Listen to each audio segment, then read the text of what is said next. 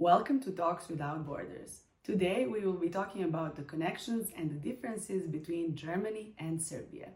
Today we will meet Milica Čortanovacki, who is a second generation Serbian living in Germany, actually currently living and studying in England.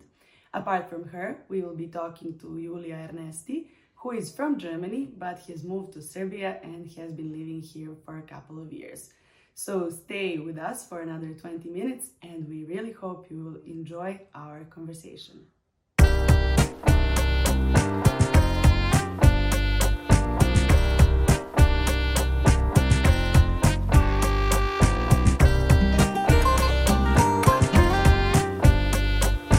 Uh, so, welcome to another show of Talks Without Borders. Today, we are uh, sharing experiences from Serbia and Germany. We have two wonderful girls with us. Uh, one of them is named Julia, and another one is named Milica. Julia and Milica, welcome to our show, and thank you for participating, of course. Thank you very much for inviting us. Okay, so we will start firstly uh, by introducing uh, you. So, please share your stories of who you are, where do you live, and what you are doing right now in your life. Julia, would you like to start? Uh, yes, of course. okay. um, thank you. Um, I'm Julia Nesti. Um, I'm 22 years old and I'm from Berlin originally, from Germany. And almost four years ago, I came through the UNESCO Commission to work to Serbia. And to that time, I had really no idea something about Serbia, what I'm actually really regretting. And then I came here surprisingly and I stayed. And now I'm studying here movie directing in the Academy of Arts. And that's like shortly the story about me, how I end up in Serbia. Okay. And Milica, you uh, that's quite interesting because um, I am uh, also I'm a theater maker, so I think it would be quite interesting to have like a conversation about that. So, well, um, my name is Milica. I'm 25, and I currently live in uh, Brighton, England. And I'm currently in the library of the university I'm studying at. Uh, but I was born in Germany, and my dad's an Orthodox priest, and so I kind of lived in Serbian diasporic communities throughout different German cities. So it was a very Serbian experience within a German context. And yeah. So that's your complex story, but in, in short. But we'll now try to, to expand all of your stories. And also, I think it's, yeah, convenient that you are in the similar field so we can talk. This will be a little bit of an artsy episode, but for those interested in arts and culture, I think it will be very good and beneficial. So uh, since Julia, Julia, Julia, what's what's the correct? However you want, like in English it's Julia, in German Julia. And how do they call you in Serbia? uh, Julia. Julia, is that weird for you or? No, it's actually really like my mother's Russian, my father's German, so there's also some Slavic roots which I have, and like in Russian it would be Yulia, which is like even softer. So um, it's it does make a huge difference. So I'm not making a mistake. no, you don't. Not okay. any kind. Okay, so Julia, what what has been your experience living here in Serbia? In in all of our episodes, it's very easy to find people from Serbia uh, going abroad, but finding people coming to live in Serbia is a bit of a task.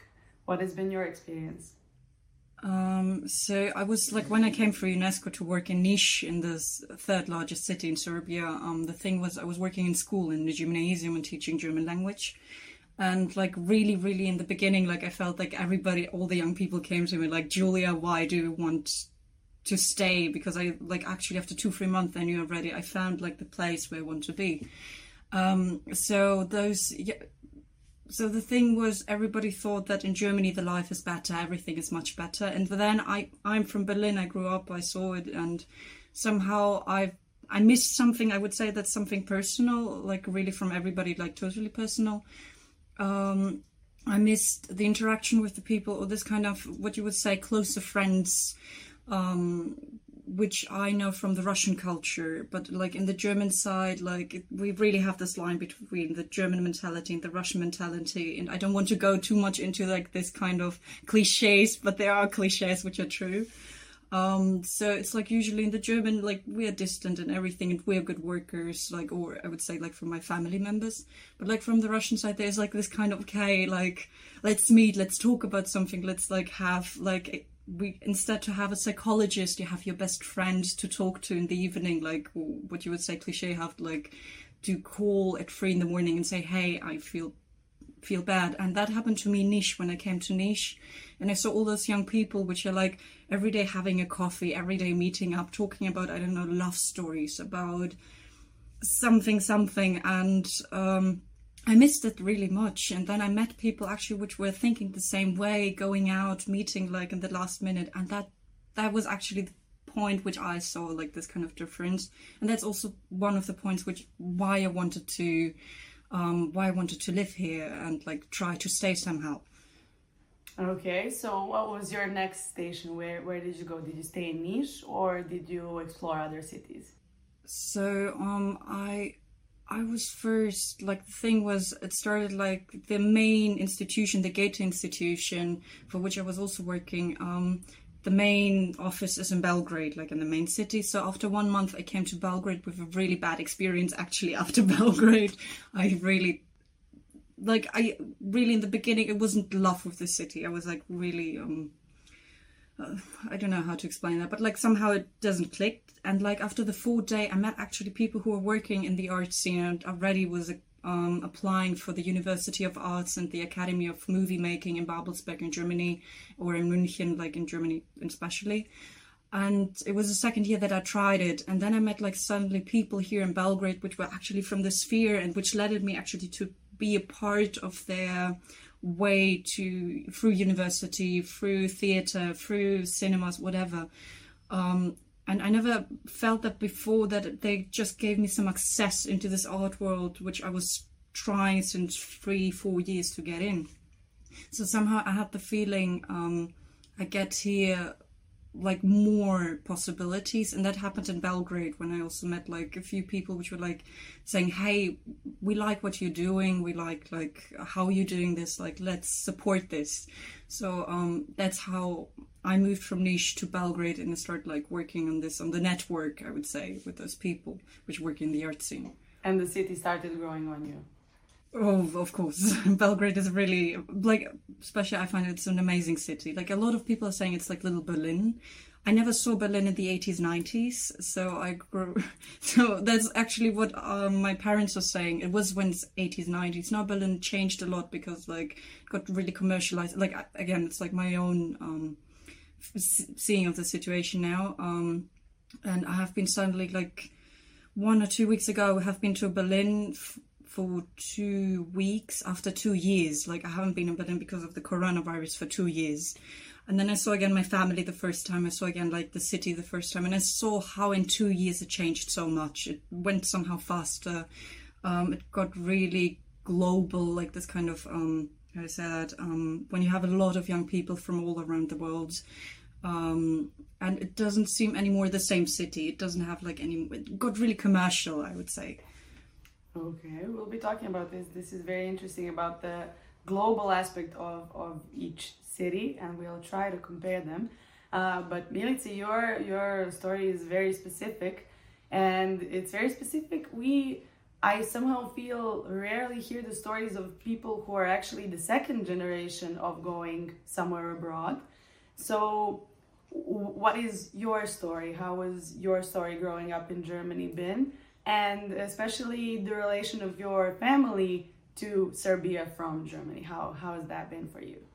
So my family, so my parents, they came to Germany two years before I was born because I believe that while the war in the Balkans was happening, um, more people moved to Germany, more more Serbians or people uh, from Croatia or Bosnia were moving to these um, Western countries, and that kind of also increased the need for priests, I guess, or any kind of like community centers.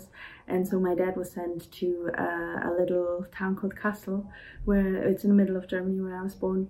And I lived there for two years before we moved down south to Villingen-Schwenningen, and that's where I spent like the first six, seven, or ten years actually of my life, where I went. Um, I started school as well. and uh, I it, I think, as you say, my story is quite interesting, is because I my parents still kind of stayed in the Serbian bubble, whilst I was kind of uh, bound to explore the Germanness by myself because I didn't know any German before I because my parents didn't know German before I went into kindergarten. So they they just somehow put me into kindergarten and somehow my child brain kind of just picked the language up. So it was I wasn't taught the language by my parents, and uh, so I would kind of live a double life sort of somehow in in in in, in like in school trying to somehow come up with a German identity. It's quite interesting because my name is Milica, uh, which is a really like maybe the most famous Serbian name, and nobody could really pronounce it in, in, in, in German schools. Everybody would say like Milica or Milica, and I always felt a bit sad. So I thought, okay, I'm just gonna Germanify it, and I was like, I'm gonna go by Melissa,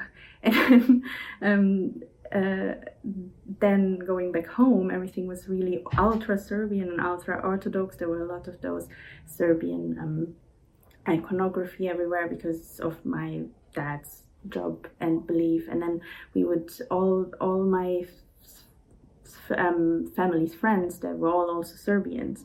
So I would, um, and I think in those communities of orthodoxy there's a heightened sense of like serbianness as well because you're missing you're kind of feeling something you've left so there were a lot of like serbian flags everywhere a lot of serbian music and um, it was a great i guess place of gathering those the, the serbian community within and like the country they've they've come from in, in into another one so um, that was always interesting to kind of juggle.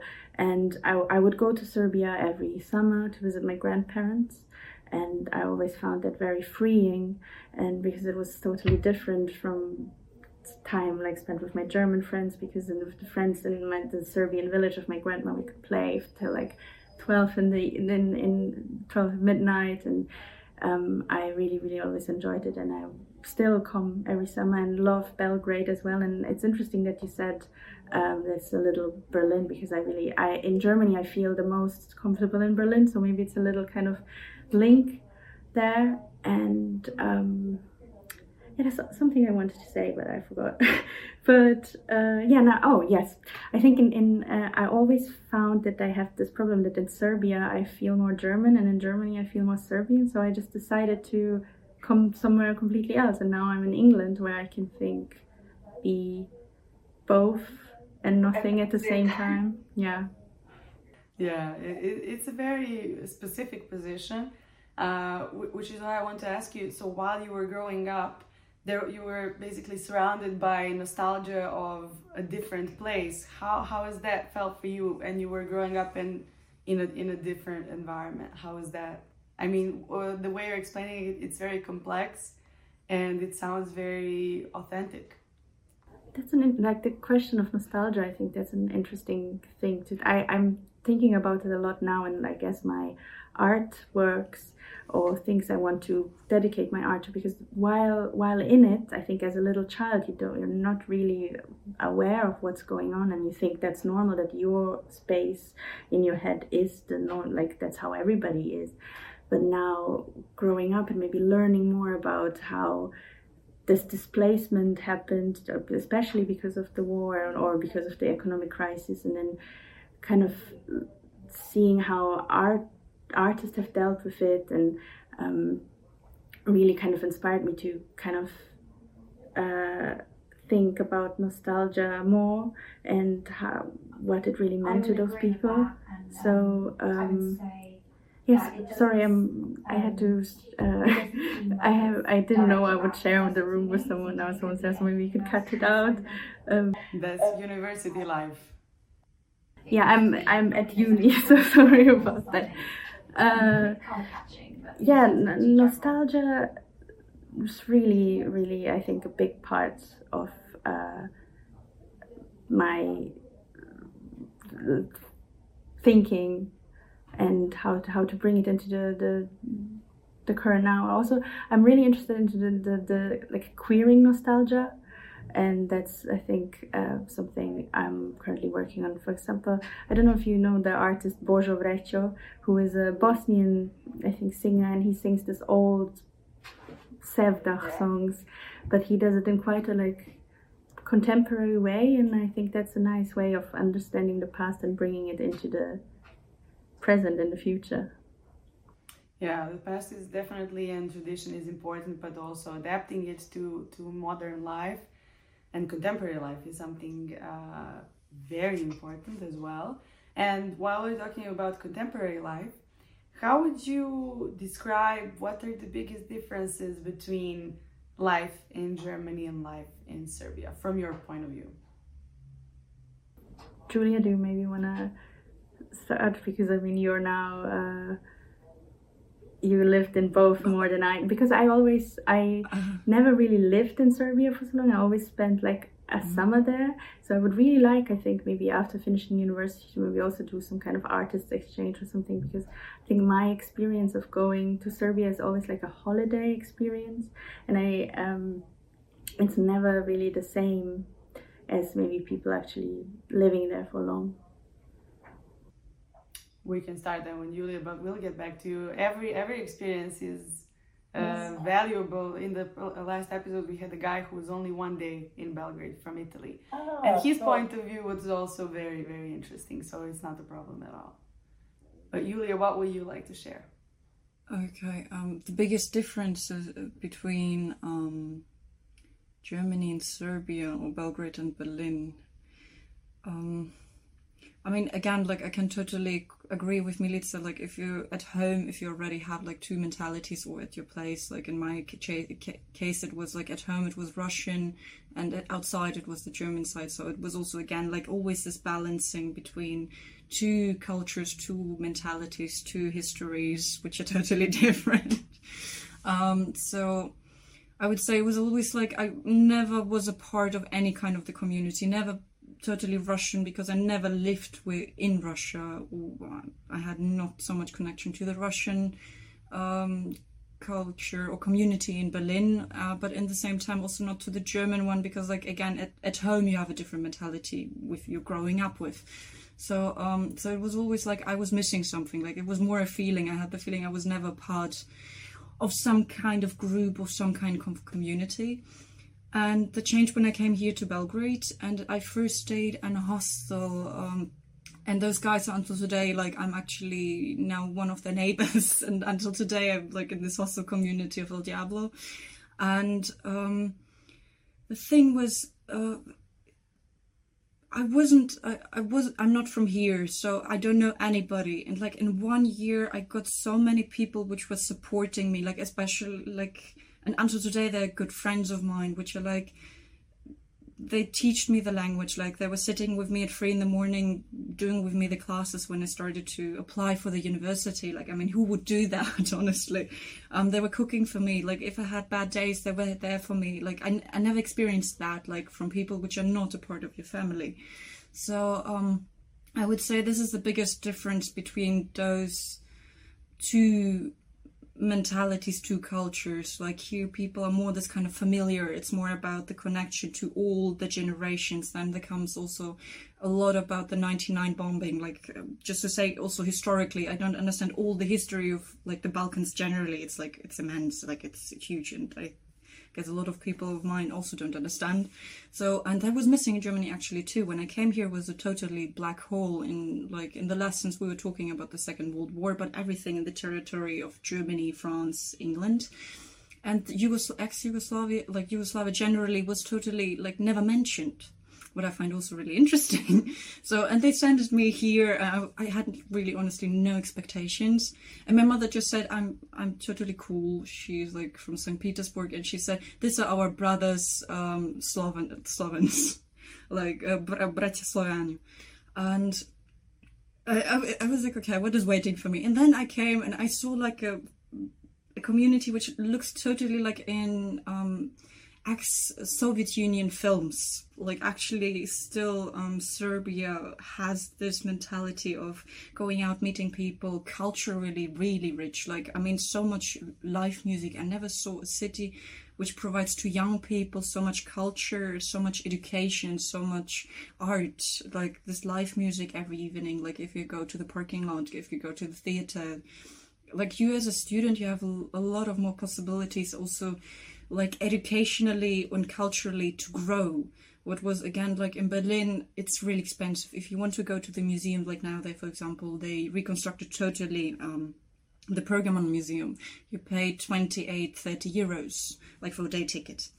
And then you have, of course, possibilities monthly, but like you really have to work on it, or you have to have a surrounding which will like push you to go culturally and educationally to grow. And it got like more and more expensive, and like let's say because of again coronavirus and everything, it's like it's this balancing. And here still, like I see every day my professors, like which are let's say also if we talk about um, the payment or something, which got, get much less paid than in Germany that would be. But like they're so much more willing to sit with me down. Like I could call them on Saturday, Sunday and say, Hey, I'm writing like a script now. I need some actors. Like I have no idea what to do. They would say, Hey, no problem. Let's meet for coffee. We're going to go through it. And that's also how it happened that they sent me like to a first collaboration with like I was working as a cast PA at some Hollywood production movie like like a few months ago. And that would like few years ago I never would expect that. Like I was like so far from that. And this is like just through all those connections which are here where people are still like, okay, let's help each other, let's help each other. And in in Germany, I don't know, like if I see like my also my family um connections and everything, um they are fine, but it's always like, okay, if you're 18, see what you're gonna do, see how you're gonna deal with yourself. Like it's your life, go for it. So there's not so much support or so much interest how you're going to grow with yourself, what you're going to do next. So I would say this is the mainly difference between those two cultures. Okay, thank you, Julia. And Milica, what is your experience? Add on what Julia just said, it reminded me of some like during coronavirus, some of my German friends who lived in, let's say, in Berlin and then had to move back to their parents' house. Then the parents, after a while, they wanted them to like pay rent for staying back at their house and that's something that would I think never happen in Serbia. I think that the the the, the familiar familiar like bond is so much stronger than in in, in in in Germany. And I learned this saying here in the UK that it's like wearing your heart on your sleeve, which I think is being very open about your emotions and really saying how you feel. I think that's that's I think the Serbian soul um, compared to maybe the Germans who were like, as maybe by stereotypes, are like effective and colder and stuff. But uh, I think in many ways that's also true. But I think in, in Germany, people are more a bit, I think, about skeptical about you. And then you need to, but once you get to know them, it's, it, it, it, it can be very rich and, and, and, and loving. But in Serbia, everybody's a bit like, well, ah, open I think that's maybe the main, the main, one of the main differences. And maybe to also add what um, Julia was saying about culture, I think culture in Serbia has so so much. Uh, I think in the everyday life, it's placed like in everything. I know, like and and um, my dad knows so many quotes from so many movies from like Serb like Serbian comedies, and he uses them in like everyday everyday. Um, interactions and sometimes my brother and i have this joke like is did he really say that or is, is like is it his words or is it from i don't know uh kad porastem biću kengur which is like one of his favorites.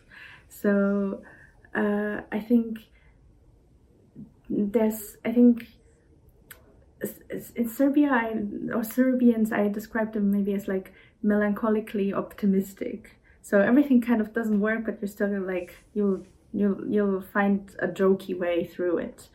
Where um, in germany maybe humor has a different kind of place in culture. Yeah. It's dry. It's really really dry. I would say okay i think that yeah we we have touched this topic in a very deep way. And i uh, can't wait for for uh, hearing from you more, uh, which will be in our next episode. So thank you both for participating. Thank you for sharing your experiences, and uh, we will expand our talk in in the next episode. So once again, thank you for your time, and I look forward to talking to you once more. and also for all of our viewers. Uh, this has been another episode of Talks Without Borders. As you see, the internet, the almighty internet, helps us cross these borders, and we will deepen our talk even more in our next show. Goodbye.